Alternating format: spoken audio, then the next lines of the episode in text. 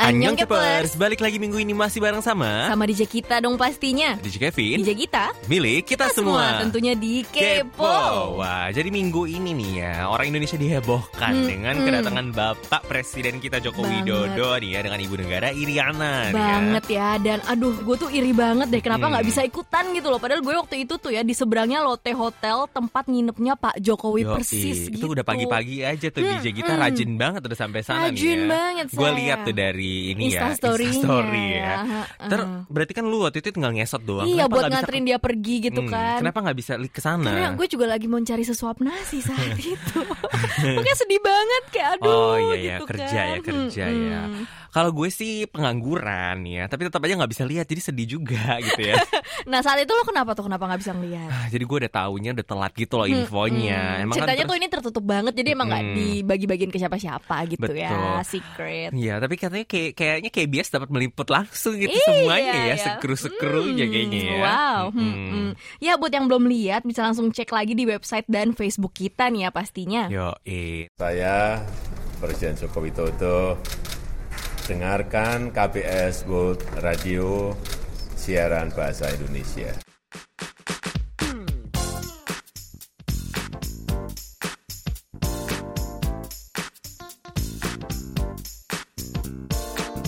Kupas tuntas berita terbaru, Bareng sama DJ kita di info selebritis.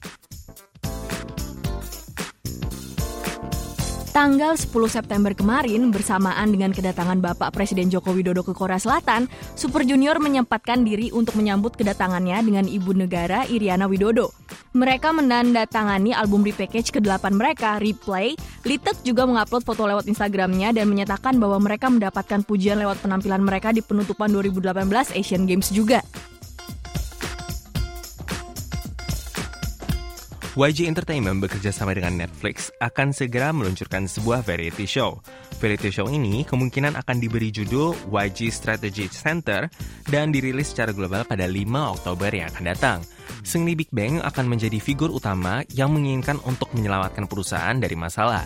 Banyak artis YG lain yang direncanakan untuk terlibat dalam produksi variety show ini.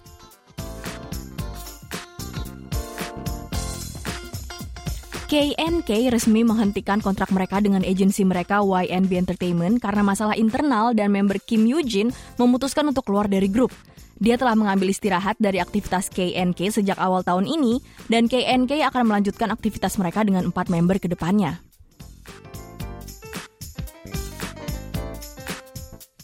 Setelah sempat digosipkan bahwa Guhara mengambil narkoba dan berencana untuk bunuh diri, agensi mereka Content Y menyatakan bahwa rumor itu tidak benar dan Guhara masuk rumah sakit akibat insomnia dan gangguan pencernaan. Sang artis sendiri telah keluar dari rumah sakit dan diharuskan untuk istirahat untuk sementara waktu sebelum dapat beraktivitas dengan normal kembali. Aktor Ju Ji Hoon kembali ke layar kaca setelah tiga tahun. Drama MBC yang direncanakan berjudul Item akan tayang tahun depan dan menceritakan tentang dua orang yang menemukan rahasia barang sehari-hari lewat kekuatan supernatural. Drama ini diadopsi dari webtoon Kakao Page dengan judul yang sama dan Ju Ji Hoon akan menjadi aktor utamanya yang bernama Kang Gon. Dan sekian untuk info selebriti minggu ini. Dear DJ, DJ. Ih, DJ kita kok ikutan sih? Gak apa-apa dong. Sekali lagi dong kalau gitu ya. Dear DJ. Lain kali gue pakai suara dua gitu Boleh, kali oh iya ya. Itu Eh, kan ada soprano, dulu. ada Hmm, tenor hmm. gitu ya. Kita ada latihan dulu. Ada rap juga mungkin. Dear, uh, uh, gitu ya. Dear DJ. Heeh, Nah untuk di DJ lumayan ramai nih minggu ini. Apa nih? Alhamdulillah banget ya banyak yang masuk nih ya. Sengaja nih, berarti omongan kita tuh didengar loh. Mm, omongan DJ wah. Kevin ya Terima utamanya. kasih dia. Nah, langsung aja kita bacain yang pertama ya. Ada dari Afifa Rizky Mubarok nih ya. Annyeonghaseyo DJ kita, apa kabar? Nah, Baik. Semoga DJ eh, dan lain-lainnya baik-baik saja nih ya. DJ DJ, sebelumnya aku mau ucapin selamat Hari Radio Nasional di Korea tanggal 3 September 2018 dan di Indonesia 11 September 2018 ya. Uh. Hmm, semoga radio-radio yang ada di Korea maupun di Indonesia semakin jaya di udara ya. Amin. Hmm. Termasuk radio kesayangan aku KBS World Radio Indonesia. Amin. Oh, Hmm. amin. Nah DJ aku mau tanya sesuatu nih ya DJ DJ kita ini kalau misalkan lagi kangen sama masakan Indonesia Tapi pengennya masak sendiri Nah, apakah di supermarket Korea itu menyediakan bahan makanan seperti tempe, tahu, misalnya sayur kangkung, bayam, daun singkong, dan segala bumbu dapur lainnya yang biasa ada di Indonesia? Katanya nih. Dan jika ada, bagaimana dengan harganya nih DJ? Soalnya aku penasaran DJ, pengen tahu apakah bahan-bahan makanan di Indonesia sudah go internasional atau belum nih katanya. Nah, terus aku punya pertanyaan kedua nih DJ. Berapa kisaran suhu kalau lagi musim gugur di Korea nih DJ? Terus tempat wisata mana yang cocok buat dikunjungin pas musim gugur ini? Mohon penjelasannya DJ dan terima kasih banyak happy airing nih ya. Nah, ya jadi ini kayaknya si Afifah nih update banget ya. Gue aja nggak tahu hari ya. radio nasional tanggal 11 September nih ya. Nah by the way di hari uh, radio nasional Korea tanggal 3 September itu ada cerita lucu nih ceritanya ya. Apa tuh? PD tercinta kita, PD Mei itu, dia kan habis berlibur ceritanya. Nah itu hari pertama dia harusnya seharusnya dia masuk ke kantor gitu kan. Ya udah dia masuk kantor dong dengan semangatnya gitu kan pagi-pagi gitu kan ya. Ternyata begitu nyampe kantor kok gelap katanya gitu gitu. Sampai ditanya sama uh, si satpam ngantor gitu katanya. iya ngantor gitu dengan dia semangat pula gitu 45 Oh, begitu nyampe dia baru sadar kalau itu hari libur gitu Ya ampun ya. ternyata ada cerita seperti ini ya Mei. Yes, ya ampun. seperti itulah lah. ya. Mm. Mm. Dan katanya juga amin ya semoga makin jaya KBS makin banyak pendengar dan bisa didengar di seluruh Nusantara. Yoi, amin banget amin ya. banget. Mm. Nah, kalau untuk urusan masak-masak nih ya. Kita aja deh nih ya. sebenarnya Garuk-garuk tenggorokan aja kita. Oh, DJ kita nggak suka masak memangnya. Gue suka masak sih, pengen masak, pengen belajar Pengen. untuk masak. Gue nggak sebel gitu, gue nggak Hmm. males untuk masak. Cuman ya apa mau dikata, belum ada Hmm. waktu untuk belajar dengan baik dan benar Oh, gitu, ya. Ya oseng-oseng aja gitu ya. Oseng-oseng aja. gitu. Nah, Mm. nah kalau gua nih sebenarnya kalau untuk ya masalah kayak katanya tadi sayur kangkung atau misalnya kayak tempe gitu ya, bisa sebenarnya didapetin di Korea nih. Cuman harus belinya kayak ke Asian market gitu kan ya. Yang biasa ada mungkin di Itaewon dan di Ansan. Which is gua nggak pernah ke sana. Ya gue jarang banget ke sana nih ya. Jarang ya ke Ansan dan Itaewon. Gue jujur malah gue belum pernah ke Ansan sama sekali sih. Oh, belum pernah ke Ansan sama sekali ya. Harus itu banyak banget Harus restoran banget ya. Indonesia di sana iya, ya. dan murah-murah dan katanya porsinya juga banyak kan kalau Oke, makan di sana. iya. Hmm. Nah, kalau untuk gue sendiri yang gue tahu misalnya waktu itu tempe kalau nggak salah satu batangnya gitu, kalau nggak salah dijual kayak 3.000 atau hampir 5.000 won ya. Berarti kan lumayan mahal ya kalau dirupiahin sekitar dikali 13 berarti kayak sekitar 60 ribuan gitu kan Kurang ya. lebih. Kurang lebih paling mahalnya gitu. Jadi emang pastinya lebih mahal dong ya. Dan Pastinya lebih mahal. Oh ya di sini tuh nggak ada yang namanya kangkung. I always miss kangkung so much Hmm, sebenarnya ya. gitu Apalagi ya. di cah terasi gitu yang Oh. ngasih heeh, belacan gitu ya. Oh, Mhm. wow. Cuman nggak ada yang namanya kangkung di Korea itu Hmm, doesn't exist ya. nih ya. Mm. Dan kalau untuk tadi pertanyaan selanjutnya apa ya itu ya masuk musim gugur Mm-mm. nih ya eh, suhu nih ya. Mm. Sekarang cuaca seharian itu kira-kira 20-an derajat Mm-mm. gitu ya. Kalau malam bisa di bawah 20 derajat juga nih. Jadi Bener. anginnya tuh udah sepoi-sepoi yang angin Yoi. nusuk kulit tuh udah lumayan tuh. Mm, jadi itu somehow perlu eh, perbedaan suhunya di antara siang dan malam itu lumayan gede nih Iya. ya. Jadi harus banget eh, Jadi kalau misalnya bahasa Korea tuh ilgyochanya tuh Oh, gede it's gitu. Ilgyocha ya. Iya, Nah, jadi memang harus banget yang kalau misal kalian mau ke sini nih ya harus banget eh, prepare pakai jaket at least buat malamnya karena lumayan gitu. eh, lumayan dingin juga gitu. Lumayan sakit dingin. kan. Bener Ntar enter wind gitu ya. Masuk angin. harus alias. jaga kesehatan Mm-mm. harus jaga kesehatan banget nih ya Betul. pokoknya kalau tempat wisata yang bagus nah Hmm. gue gue tuh rekomen itu sih beb yang Hanel Gongwon Hanel Gongwon. Hanel Gongwon tuh rekomen Betul, banget kalau menurut gue di musim gugur karena di sana itu em, si ilalang-ilangnya juga ada Bener. sekitar musim gugur aja kan dan Iya. itu bagus banget sih kalau menurut Bener-bener, ini kan di Seoul nih ya. Dan kalau nggak salah ada festival khusus tuh ya buat ada selama ber- beberapa periode untuk di Hanel Gongwon itu ada untuk ilalang-ilalangnya ini. Jadi malam-malamnya ada lampu-lampunya juga. Oh, Dan itu bener-bener, sangat bener-bener. romantis ya. DJ kita boleh ke sana bersama dengan teman-teman kita iya sama DJ Kevin kan boleh Nah terus kalau gue mau rekomend nih ya mungkin ke Nami Island sebenarnya ya. Uh. Karena kan di sana banyak banget pohon-pohon dan itu banyak banget yang berubah warna gitu. Jadi ah bisa bener-bener merah bener. gitu, Ah, kuning bener-bener. gitu kan ya. setuju setuju Itu gue sangat recommended banget sebelum itu pada gugur beneran itu mesti banget ke sana nih ya. Iya, foto-foto sama pohon-pohon berwarna merah tuh cantik banget loh guys Betul. buat Instagram kalian kan. Ya, semoga jawaban-jawaban kita ini membantu Afifa nih ya. Dan Dear DJ selanjutnya nih ada dari Yoktayu. Panjang nih ya. Mm-mm. DJ DJ Anyong, apa kabar nih DJ? Baik. Mm-mm. Semoga sehat dan sukses terus ya membangun karir di sana. Amin, ya. Amin. DJ tahu nggak sih? Jadi seorang K-lovers itu sangat membantu aku untuk nemuin temen oh. baru nih katanya. Oh. Nah jadi gini nih DJ, aku mau nyamperin pendapat aku nyamperin lagi kan maksudnya. Aku mau nyampein pendapat aku aja nih kayak katanya nih ya. Bagi aku menjadi pecinta Korea itu bukan berarti kita ngelakuin hal yang nggak bermanfaat kayak kerjanya cuma ngidol aja, mm-hmm. nggak mm -hmm. cuma update tentang opa-opa aja, nggak cuma nonton drama aja. Aku ngerasain banget loh DJ dampaknya. Dulu aku nggak pernah kepikiran buat suka Korea, bahkan bisa dibilang aku itu seperti ikut-ikutan gak suka gitu loh sama Korea malahan. Aku juga kenal Korea bertahap nih DJ. Awalnya tahu drama, film, dan variety show-nya meningkatkan mulai suka lagu dan idol Korea. Dan sekarang aku mulai belajar bahasa Korea, cari info wisata dan budaya Korea juga katanya. Hmm. Nah, terus gue lanjutin ya. Nah, DJ, aku kan baru masuk kuliah nih ya. Nah, salah satu strategi aku buat kenalan sama teman baru adalah dengan bahas Korea nih, DJ. Uh. Nanya-nanya, lu fandom apa sih? Uh, lu suka drama Korea enggak gitu lu bisa baca hangga enggak kalau bisa tolong ajarin gue dong gitu hmm. nih ya. bahkan jadi aku tuh kenalan lewat line atau WhatsApp gitu sama yang pakai foto-foto profilnya artis Korea gitu DJ hmm. nah pokoknya tuh DJ teman-teman di kelas itu bisa aku kenal mereka bisa deket banget karena Korea nih hmm. karena kalau udah bahas Korea itu seru dan ajib banget ya pokoknya nggak bisa berhenti dan kalau udah ngomong tentang Korea saking sering bahas Korea nih di kelas, jadinya teman-teman aku yang nggak ngerti Korea dia selalu bilang, gue perasaan dari SMP udah dijejelin Korea tapi kok nggak demen-demen ya gitu. Dan gue lanjutin lagi nih ya. Dan bagi aku juga DJ suka sama Korea mau artisnya atau budayanya juga balik lagi nih ke diri kita sendiri kan. Bisa mengontrol nggak rasa suka itu buat nggak jadi berlebihan. Yang penting belajar tetap dilaksanakan, nggak ikut fan war atau mengapresiasi hasil karya mereka aja gitu. Soalnya aku jadi kesel gitu loh DJ, jadi inget dulu pas masih SMA kalau aku sama temen aku bahas Korea, anak-anak cowoknya tuh kayak ngeledekin gitu dan kayak ngeremehin apa yang kita lakuin gitu. Ya jadi gitu aja dulu ya Dear DJ dari aku. Dan aku mau request lagunya Seventeen Komapta DJ Soalnya mereka mau konser dan fansign di Indonesia. Oh ya? Sebagai fans yang cuma modal kuota aja Aku hanya mampu memantau Instagramnya orang-orang yang nonton konser Seventeen katanya. Terima kasih DJ Have a nice day Katanya gitu. oh, gitu Thank you nih ya ceritanya nih ya dari Okta Ayu nih ya. Nanti kita puterin nih lagunya di akhir segmen nih ya. Hmm. Nah tadi kan dia bilang Bisa ketemu teman-teman ini gara-gara Korea. Ini sebenarnya karena menurut gua Oktayu ini lagi di uh, masa-masa yang tepat menurut gue mm. ceritanya. Karena kalau zamannya gue dulu itu yang ada lu bahas-bahas Korea, yang ada lu, mencari musuh, ya gak sih? uh, kayak lu apa sih kok freak banget gitu kan ya. Mm. Tapi kebetulan kalau gue, gue kan karena mungkin di kelas gue, gue kan anak IPA, kelas gue mm. tuh dikit gitu loh, cuma 20 Wait, orang. IPA ceritanya nih ya. ya lo juga lah ya anak IPA sih ya.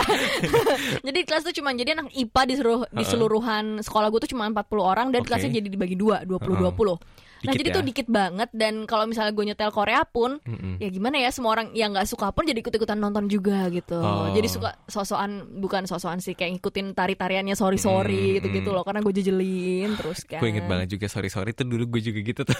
Iya kan. anyway kalau gue tuh uh, jadi kalau kasus gue kan SMA-nya tuh nggak ada kita nggak punya jendela ya. Mm. Jadi nggak pakai AC gitu kan ya. Itu kalau habis pelajaran Kelasnya, olahraga pasti bau banget. banget ya. Nah jadi karena terbuka-terbuka gitu jadi lo kalau puter lagu di ke di kelas itu kedengeran sampai ke kelas sebelah ngerti gak sih? Ah. Karena nggak ada barriernya, nggak ada pembatasnya mm, kan. Mm. Jadi gitu kalau bisa udah puterin Korea ya pasti bisa kedengeran semua gitu ya. Dan ya semua sekolah, sekolah bisa tahu gitu oh dia suka Korea gitu gitu ngerti gak sih? Terus ya gitu pasti kan Jadi di, di gitu, kan. gitu kan. tapi sekarang itu semua itu kayak suka Korea gitu semua, loh nggak ada yang nggak gitu suka Korea. Mm. Gak, ya walaupun yang cowok-cowok pun tuh jadi suka Korea loh Running yeah. Man gitu-gitu kan. Variety Bener. show variety show tuh mereka mungkin lebih tahu daripada gue mm. daripada kita nih. Jadi suka gitu ini ini siapa sih artis cewek yang ini? Gitu gitu kan. Karena Korea mungkin udah jauh lebih dikenal gitu kan sama mereka juga gitu. Bahkan lebih update ya kalau sekarang nih ya mm. dibanding kita loh teman-teman kita di Indonesia Indonesia uh, nih. Nah mungkin ya dari para kepors juga yang pengen cerita-cerita kayak gini nih ya pengalaman kalian bersama dengan Korea juga gitu yang pengen di share bareng ke teman-teman bisa banget langsung aja masukin cerita-cerita kalian untuk segmen di DJ pastinya Boleh nih. banget ya. dong semuanya itu kita terima hmm, kan. Bener banget. Dan pasti kalian bisa kirim langsung nih ya uh, cerita-cerita menarik kalian ke email kita di indonesia@kbs.co.kr atau langsung bisa aja Facebook message kita nih ya. Kalau kalian males mungkin ke email iya, gitu kan, kan ya. males buka email, buka internet Mm-mm. gitu kan di Facebook aja boleh Mm-mm. kan. Mm-mm. Dan sekian ya untuk di DJ minggu ini nih. Hmm.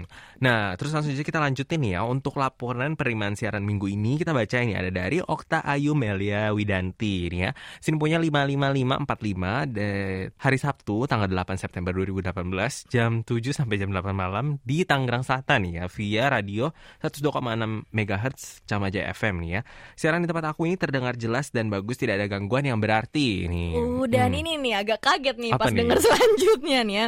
Em, DJ kita dan eh DJ kita nih, DJ Gita dan DJ Kevin semangat banget nih malam Oh. ini. Sesemangat apa ya kita saat itu nih ya? Iya. Berasa suaranya kayak penuh power gitu katanya. Kalian tidak tahu di belakang itu kita ketawa-ketawa terus ya. Mungkin sampai itu jadi powernya jadi kenceng juga nih ya.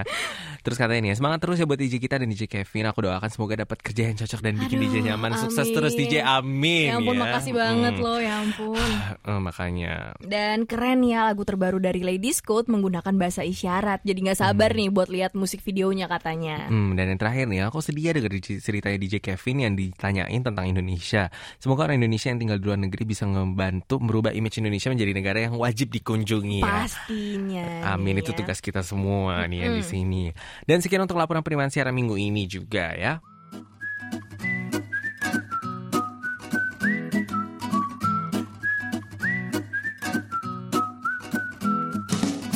Nah, untuk kata kamu kata aku minggu ini ya. Jadi kemarin ini gue sempat baca berita yang cukup unik nih ya. Uh apa Jadi tuh? ada uh, kolaborasi merek ternama dari Prancis yaitu Louis Vuitton. Gitu ya. Cara ngomongnya mesti gitu, Louis Vuitton. Louis. Bacanya Louis aja kali ya. Berasa kenal ya. Jadi uh, ada kolaborasinya dengan salah satu stylist Korea nih. Hmm, Hmm. dan siapa sih kan yang nggak tahu merek itu kan? Itu kan merek demenan mama kita Hmm. gitu kan ya. Yoi, bisa banget menaikkan strata gitu istilahnya nih ya kalau udah Hmm. pakai. Nah, jadi gue nih tiba-tiba kepikiran nih ya. Kalau nggak cuma sebenarnya Korea aja dong ya. Indonesia juga bisa dong bikin kolaborasi kolaborasi kayak gini nggak sih ya? Hmm, bener banget karena dengan begini bisa jadi bahan promosi juga kan kayak culture ataupun budaya Indonesia ke Hmm. dunia gitu misalnya batik kita lah atau Yoi, apa gitu banget. kan dan daripada penasaran gimana kreativitas para pendengar kita semua kan kita langsung aja baca ini ada dari Afifah Rizky Chan Annyeonghaseyo DJ kita kalau aku punya ide collab ngedesain baju Korea dan Indonesia Hmm. baju hanbok baju tradisional Korea yang bermotif batik khas Indonesia Oh. nih DJ katanya. Kayaknya keren deh kalau ini bisa terrealisasi supaya orang Korea tahu batik Indonesia dan orang Indonesia pun tahu hanbok itu apa. Dan aku juga pengen kalau ada collab makanan Indonesia sama Korea, makanannya kayak misalnya bakso isi kimchi atau tteokbokki gitu kan. Tapi nggak tahu deh nanti rasanya bakalan jadi kayak gimana. Itu ide dari aku sih DJ. Semoga suatu saat nanti aku bisa bikin bakso rasa kimchi katanya gitu. Oh. Bakso rasa kimchi tuh masih kebayang sebenarnya Iya. gue. Kalau rasa tok nggak ngerti. Rasa ya. tok tuh nggak Kalau di ngerti dalamnya tok ya. itu jadi gimana nggak ngerti sih ya. Kalau kimchi masih oke nih ya. Nah kalau untuk eh, baju nih oke banget loh sebenarnya. Oke ya. banget, setuju nih. Karena motif eh, memang eh, baju-baju Korea yang hanbok-hanbok itu juga ada motif-motifnya kan yang baru-baru yang fashion fashionable gitu kan ya. Mm-mm. Dan kalau bisa bisa dikolaborasikan dengan batik yang zaman-zaman now juga gitu kan kayaknya oke banget, banget gak sih banget ya. setuju. Bisa jadi fashion apa ya namanya? Fashion item Yoi, gitu untuk bisa ya. summer gitu kan misalnya. Mm. Nah kemudian ada dari Ramatian ya Annyeonghaseyo Hai DJ Kenalin aku Thea Hai, katanya. salam kenal. Nah kalau aku berkesempatan berkolaborasi Dengan mempromosikan kultur Indonesia Saya sangat ingin mempromosikan makanan tradisional Indonesia ke Korea katanya Kita tahu banyak artis Korea yang suka dengan makanan Indonesia Seperti member Super Junior yang suka dengan sate Dan jika diberikan kesempatan lagi Saya ingin mempromosikan dengan member BTS Yaitu Kim Seokjin Karena Seokjin Oppa sangat suka makan Dan dia juga memiliki channel V-Live Eat Jin nih Pasti sangat seru berkolaborasi dengan salah satu member BTS Ah, ini jadi katanya. mukbangnya tuh bukan pakai makanan Oh. Korea tapi mukbangnya tuh pakai makanan Indonesia Hmm. gitu kan Dan misalnya. apalagi kan kayak BTS gini lagi super hot di seluruh dunia Super nih ya. Pasti. Bisa dilihat nih ya makanan Indonesia Yes. bisa lebih laku lagi pasti nggak sih misalnya ya? mukbang makan rendang gitu Mm-mm, kan. wets. wets. Itu kita nggak usah sebenarnya nggak usah endorse pun mereka udah tahu pasti makanan rendang itu pasti enak. gitu Enak sih banget. ya? Mereka pasti itu tuh wah ini enak banget tuh Mm-mm. eh, dari dalam diri hati sendiri gitu loh, Mm-mm. nggak dibuat-buat. Yoi. Mm. Dan selanjutnya ada dari Melia Intania. Kalau aku pengen deh ngedesain sepatu katanya. Mau itu sneakers atau sepatu olahraga. Di sepatunya nanti ada motif batik seluruh Nusantara gitu Oh. DJ. Kalau untuk modelnya aku mau Kang Daniel jadi modelnya. Pasti produknya laku banget gak sih? Oh. Ah, Atau- Kang Dan ya, Kang Dan. Hmm, Atau tiba-tiba gue kepikiran nih, mungkin sepatunya kayak bisa di order khusus misalnya kita bisa kasih motifnya banyak gitu ya seluruh Ah. Nusantara bener nih misalnya nih lo mau batik Solo lo tinggal pilih terus nanti bisa order gitu Hmm. oh, jadi kasih ya personalized gitu. oh iya itu oh ide bagus juga nih Heeh, batik dari daerah mana pun, Mm-mm. jadi di sepatunya tuh nanti kita yang matching matchingin Bisa, sendiri. iya. Wih, kita bikin bisnis, Bisnis gimana? gimana? kan, Beb? Aduh, Yo, iya. sehati kan. Mm. Mm-mm. Nah kemudian ada dari Okta Alio Melia Widanti nih ya DJ DJ Anyong berhubungan Indonesia punya kain khas yang belegenda itu kain batik dan songket Aku mau berkolaborasi dengan brand asal Korea eh, itu Lotte Duty Free nih ya Karena Lotte Duty Free ibarat kalau di Indonesia kan brandnya kayak Matahari gitu Nah di sana kan eh, dia jual apa aja tuh ya DJ ya dari pakaian, alat elektronik, kosmetik juga ada dan lain-lain. Jadi bisa jadi promosi produk apa pun asal Indonesia nih ya. Misalnya kain batik dan songket nih ya. Dan bisa disesuaikan dengan style Korea dan bisa jadi bisa bikin jas musim dingin tapi ada kayak sentuhan batik gitu atau songket gitu atau sepatu yang Uh. dilukis langsung di atas makanan. Tahu bolu batik nggak DJ? Loh, bolu batik gue baru pertama kali dengar nih ya. Nah, jadi kan ada motifnya unik tuh ya, bolu tapi coraknya batik. Dijamin bisa Uh. jadi makanan kekinian nih di Korea katanya. Ah, jadi bolu motifnya batik nih ya. Dan gue lanjutin nih ya. Kalau untuk produk fashion ini mau dipromosiin sama Seventeen, my bias soalnya nih ya. Terus sama mau kolaborasi brand coffee Banyak Korea. ya. Dalcom Coffee katanya. Sering banget lihat brand itu di drama-drama.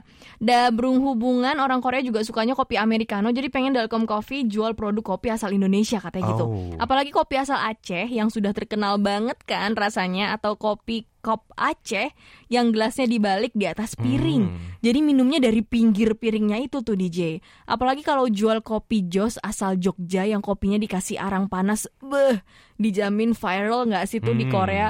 Kalau ini aku mau kerjasama dengan komedian yang Sehyeong atau enggak aktor Yuain katanya gitu. Oh, ini banyak banget nih ya ide-ide dari Okta nih ya, lebih kreatif banget nih daripada kita nih. Kita Kalau- malah sampai nggak kepikiran Mm-mm, nih ya. Tapi kalau kopi gue juga setuju sih karena orang Mm-mm. Korea itu kan juga kayak penggemar Banget berat ya. kopi kan ya. Setiap habis makan pasti ngopi. Betul. Sebelum kerja ngopi gitu-gitu kan pokoknya selalu ngopi gitu kan. Kalau Indonesia lebih ditekankan lagi kekasan kopinya pasti akan menjadi peluang banget buat kita. Tapi sebenarnya lebih banyak lagi sih karena gue akhir-akhir ini pun ke kopi nih ya misalnya disuruh bisa pilih eh, kopinya dari mana gitu ya banyak banget yang ngambil kopi dari Indonesia Iya, dari sebenarnya. Kalimantan Coffee gitu kan sering Mm-mm. banget kelihatan Sulawesi gitu. apa gitu kan Mm-mm, ya bener-bener. Eh, yoi.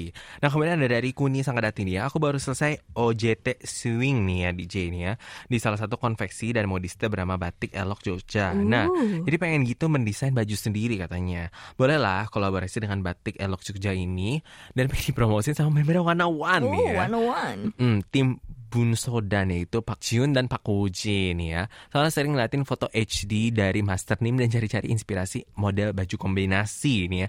Bisa nanti batik kombinasi. Jadi sekedar rencana jadi khayalan nih ya. Hmm, Bisa Hmm. banget nih ya member 101 yuk kita book yuk 101 yuk. Aduh gue rasa kalau member One One ya pakai itu langsung batik. Oh, Kayaknya ya itu udah. langsung hits deh. Itu dari mana? Itu dari mana? Itu batik apa gitu gitu. Orang itu ada yang pakai sendal swallow langsung swallow di mana-mana kan dicari. Ya ampun. Apa kita bikin swallow yang ada corak-corak batiknya? Ah, boleh. Nanti bisa hits nih ya kayaknya. ya. banget nih ya. Mm. Dan ada lagi dari Dharma. Hai DJ, berandai jadi desainer mungkin saya akan bekerja sama dengan brand atau perusahaan elektronik dari Korea seperti SAME atau LE gitu kan. Dan saya ingin mereka mengeluarkan produk elektronik terbaru entah itu TV, mesin cuci, AC atau handphone yang nantinya akan didesain dengan culture asli Indonesia berupa Oh. batik atau tulisan aksara Nusantara katanya.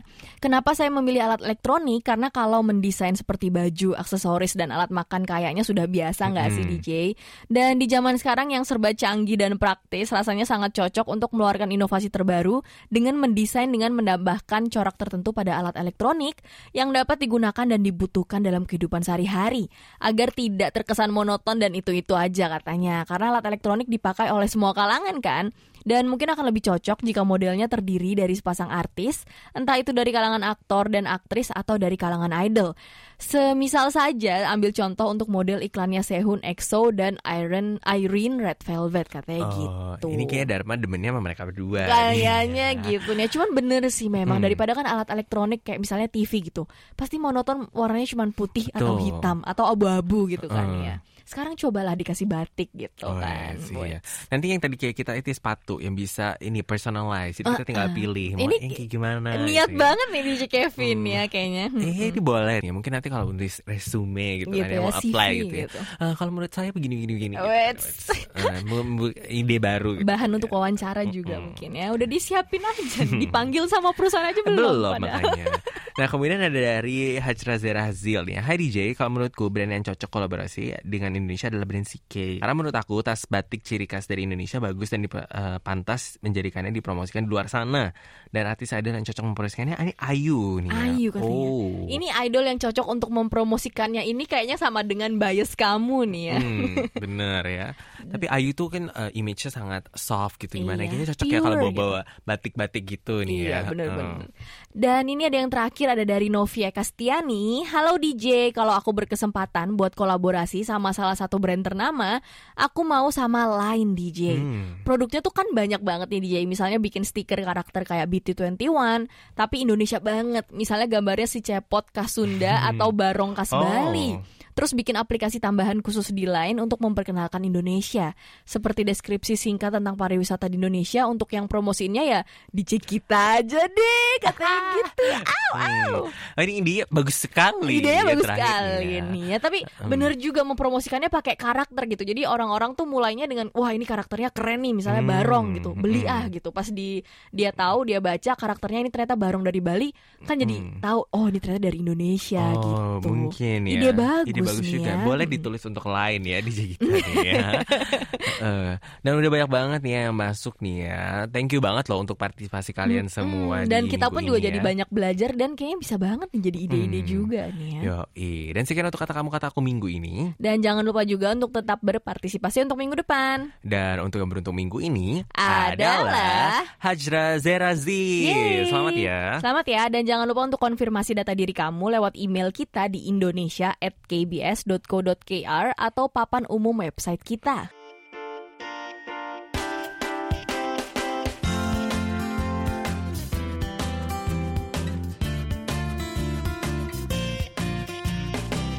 Amel, annyeong. Annyeong juga Kevin, kita apa kabar? Baik dong. Yo, iya dan pastinya masih semangat siaran di malam minggu ini nih ya. Lo sendiri apa kabar nih Mel? Gue juga pasti masih semangat siaran. Yakin semangat ya. Ketahuan ya nih dari suaranya. Dan tapi gue baik-baik aja kok pastinya. Dan gak sabar nih buat cerita-cerita ke Kepors pasti. Hmm. Mm, Dan kayaknya Kepors juga udah gak sabar buat nungguin ceritanya DJ Amel nih. Mudah-mudahan ya. kan? Cerita untuk minggu ini apa sih DJ Amel? Jadi hari ini agak eh, menarik banget nih. Hmm. Agak tapi banget nih ya. Menarik banget ya nggak pakai Oke. agak. Karena gue tuh mau cerita tentang pamerannya BTS Oh. yang Uh. judulnya itu 24/7 Serendipity atau Owner. Oh. Wow, BTS nih pasti Kepors langsung "Hah, apa nih? Apa nih? Pengen denger ya langsung ya. BTS nih ya gitu kan. Langsung Excited boleh dinaikin semuanya? volumenya nih. ya, papa radionya. jangan dica- papa jangan diganti sama siaran radio lain ya, Pak. Papa. Ini 102,6 sama JFM ya, Iya. Pak. Nah, kayaknya siapa sih yang gak excited gitu ya kalau mau denger kayak BTS gitu kan ya. Ayo dong diceritain tentang pamerannya sendiri. Untuk lokasinya mungkin bisa dimulai Nah, di mana nih? Dari lokasinya itu Mm-mm. ada di arah Art Center, letaknya tuh di Insadong So. Uh, Insadong. Eh, tapi emangnya ada ya exhibition hall Ada di sana ternyata. nih? Ah, gue kira kayak cuma tempat jualan pernak-pernik aja asal khas Hmm. Korea gitu. Ternyata ada ya. Ada sih arah Art Center ini adanya di Insadong di belakangnya gitu dan exhibition hallnya juga cukup besar sampai empat lantai nih yang Hmm. untuk BTS-nya. Uh. Mungkin dipilih lokasinya di sini juga biar pameran tuh gampang diakses sama turis-turis kan. Hmm, Betul. bener-bener bener. Nah, jadi untuk isi dari pameran ini siapa nih? Jadi foto-foto member BTS gitu. Jadi pameran ini tuh eh, banyak banget isinya yang Hmm. menunjukkan masa lalu, masa kini dan masa Wes. mendatang. Oh, Dari past, present, and future Yes, nih ya. betul Luar banget. Jadi dari ya. awal karirnya BTS hingga saat ini, terus kesehariannya BTS di luar panggung, perjalanan mereka bersama ARMY ya fan clubnya, Hmm. semua itu ditunjukkan dalam foto-foto, tulisan-tulisan, replika studio dan lain-lain banyak banget. Wow, gila nih pasti keren banget nih adek gue nih pasti pengen banget ke sini nih. Suka BTS ya ternyata. Sama adek gue juga ya. ARMY semua ya adik-adik kalian. Oh tapi adik gue gak mau dibilang army Katanya gak tau kenapa Tidak mau mengakui dia Bentar tapi Gue agak penasaran Future-nya gimana nih ya Kalau future nih ya Eh, Mungkin ntar pakai baju-baju robot Atau gimana gitu ya Emang mau sampai tahun berapa BTS? Iya kan Iya kan maunya forever Kalau mereka ya gak Oh, sih iya Ya. dong. Anyway Dan anime pasti keren banget gak sih? Cara BTS itu kan terkenal deket banget gitu kan sama fans-fans mereka which is para army-army itu kan. Bener banget gitu. Gue juga bukan army ini sebenarnya, tapi tuh gue tuh ngerasa kalau jalinan mereka Wets. tuh kuat gitu ya, gila Wets. jalinan kasih. Gitu. dan anyway di pameran ini tuh banyak foto-foto dan video-video yang belum pernah dirilis sebelumnya. Hmm. Jadi ada juga foto-foto yang diambil sendiri sama member-member BTS, jadi saling Hmm. motret gitu loh. Jadi ini BTS punya video BTS-nya ya gitu. Iya dong ya. Terus tadi lu bilang kan ada replika studio nih. Maksudnya apa nih Mel? Jadi ada replika studio dari MV-nya Mic Drop sama Oh. Spring Day. Bagus banget sayangnya nggak boleh foto di situ. Jadi Ya. emang ada ruangan yang kita nggak dibolehin foto gitu. Jadi nggak bisa disebarin ke luar juga. Ah, gitu. Jadi walaupun apa namanya mole atau secret-secret rahasia-rahasia Kayaknya gitu sih ada ya pasti, pasti ya. Tapi ada ada ya. yang jagain gitu. ada gue yang takut. jagain. Oh, tiba-tiba takut disuruh Daripada di keluar ini ya. ya, Hmm. dibawa Disuruh keluar. keluar, ya. Jadi nggak bisa Kan, ya. ngeliput kan. Mm-mm. Dan tapi sayang banget sih ya emang kalau misalnya ada tempat-tempat yang kayak restricted gitu kan Iya. ya. Dan by the way ada nggak nih part dari pameran ini yang lo suka banget nih? Favorit lo apa nih? Sebenarnya banyak sih ya, tapi karena gue bukan seorang army dan gue tuh kurang ngerti soal BTS, jadi gue suka banget bagian sejarah perjalanan mereka nih. Jadi ada semua album-album dipamerin, di situ dijejerin, ada foto-foto mereka pas menang, menang Billboard Awards, Uh. terus lirik-lirik lagu BTS juga kan kayak terkenal membangkitkan semangat orang ya. Bener-bener bener. Jadi gue juga terenyuh juga baca lirik-lirik yang dipajang di tembok-tembok yang Wow. Hmm. mereka tulis sendiri gitu. Kalau untuk harga tiketnya sendiri berapa nih? Jadi tiketnya tuh ada dua jenis nih. Hmm. Ada tiket reguler yang gue beli itu satu kali kunjungan harganya 18.000 ribu won. Main mahal ya. Lumayan ya berarti 200-an gitu ya. Terus ada lagi eh, half book tiket istilahnya harganya 100.000 ribu won. Hah? Tapi Serius lo bisa datang berkali-kali ke situ. Hmm. Jadi ya pokoknya limited gitu deh kayak kalau nggak salah ya. Dan eh, lo bisa dapat photobook khusus gitu kan. Jadi kalau yang army banget nih pasti bela-belain beli Wah, yang half book tiket ini karena sebenarnya untuk datang sekali aja itu nggak cukup Hmm. gitu. Tapi seratus ribuan ya. Lumayan. Udah kayak konser ya. Iya, Bo. Hmm. Seratus ribuan itu berarti satu koma berapa tuh kan ya. Jadi tapi maksud lu, lu menurut lu ini nggak cukup sekali doang nih ya.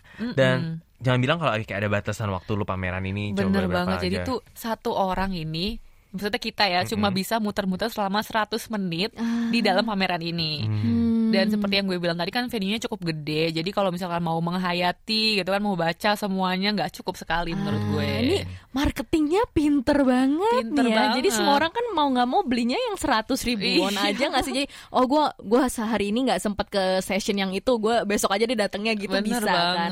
Wah gila sih ya. Tapi tiketnya ini bisa beli on the spot nih nggak nih by the way?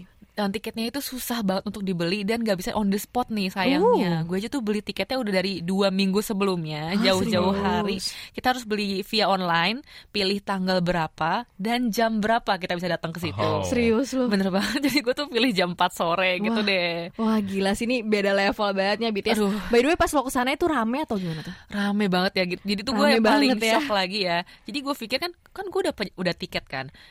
Kalau udah ada tiket ya udah udah gampang lah ya. Ternyata di sananya tuh harus antri lagi. Jadi untuk yang ngantri yang reserve jam 4 sore itu sebenarnya nggak cuman lo. Iya banyak banget dong Dan untung aja tuh gue datangnya eh, cepetan gitu ya Sejam sebelumnya Jadi gue ngantri dari jam 3 sampai jam 4 Jam 4 baru boleh masuk Ah, luar biasa dia. Udah kayak konser aja pakai ngantri lagi. Padahal cuma ke pameran doang gitu Iya ya. padahal dan gue udah beli tiketnya kan. Gue Ya. dengan lo bilang harga 18 ribuan aja gue agak kaget Wah lumayan mahal nih. Terus ada lagi Wah 100 ribuan Wait lumayan ma- mahal banget nih. Terus masih rame aja tempatnya tapi ya. Wait gila sih. Dan ada lagi nih yang paling shocknya lagi Di pameran ini kan dijual merchandise-merchandise gitu ya Biasa. Jadi eh, untuk beli merchandise ini sulit banget Karena setiap orang tuh dijatahin untuk belinya tuh cuma boleh dua barang per jenis Hmm, jadi misalnya kalau mau lu mau beli bolpen lu cuma bisa beli Beli bolpen dua dua, gitu. Iya, bener banget. Penghapus beli dua gitu, gitu ya. dan meskipun udah dijatahin barang-barangnya udah sold out semua Gila lo. jadi lo bayangin dan gue juga bingung banget kenapa udah sold out semua jadi orang yang beli half book tiket itu datang berkali-kali untuk beli merchandise ternyata Oh. Wow. Hebat banget ya fans-fans itu perjuangannya gila gue masih Hah ini serius gitu Gila kan berat banget perjalanan fest Gila sih By the way ini sampai kapan nih pamer- pamerannya nih? Pamerannya tuh dimulai tanggal 25 Agustus kemarin hingga 28 Oktober Oh, mendatang. masih lama nih ya. Lumayan nih, ya. masih ada kesempatan buat para K-popers yang mungkin ada rencana ke Korea mau Mungkin. mampir ke eh, ini pameran bisa banget Dicek dulu ya online tiketnya Hmm. soalnya dan sebelum, Previewnya bisa dilihat langsung di mana di Jamel. sebelumnya lihat dulu ya foto-fotonya Hmm. pastinya ada di world.kbs.co.kr slash Indonesian. Thank you banget ya Mel ceritanya hari ini. Ketemu lagi minggu depan kan pastinya kita. Sip, sampai ketemu lagi minggu depan ya untuk kamu dari Korea.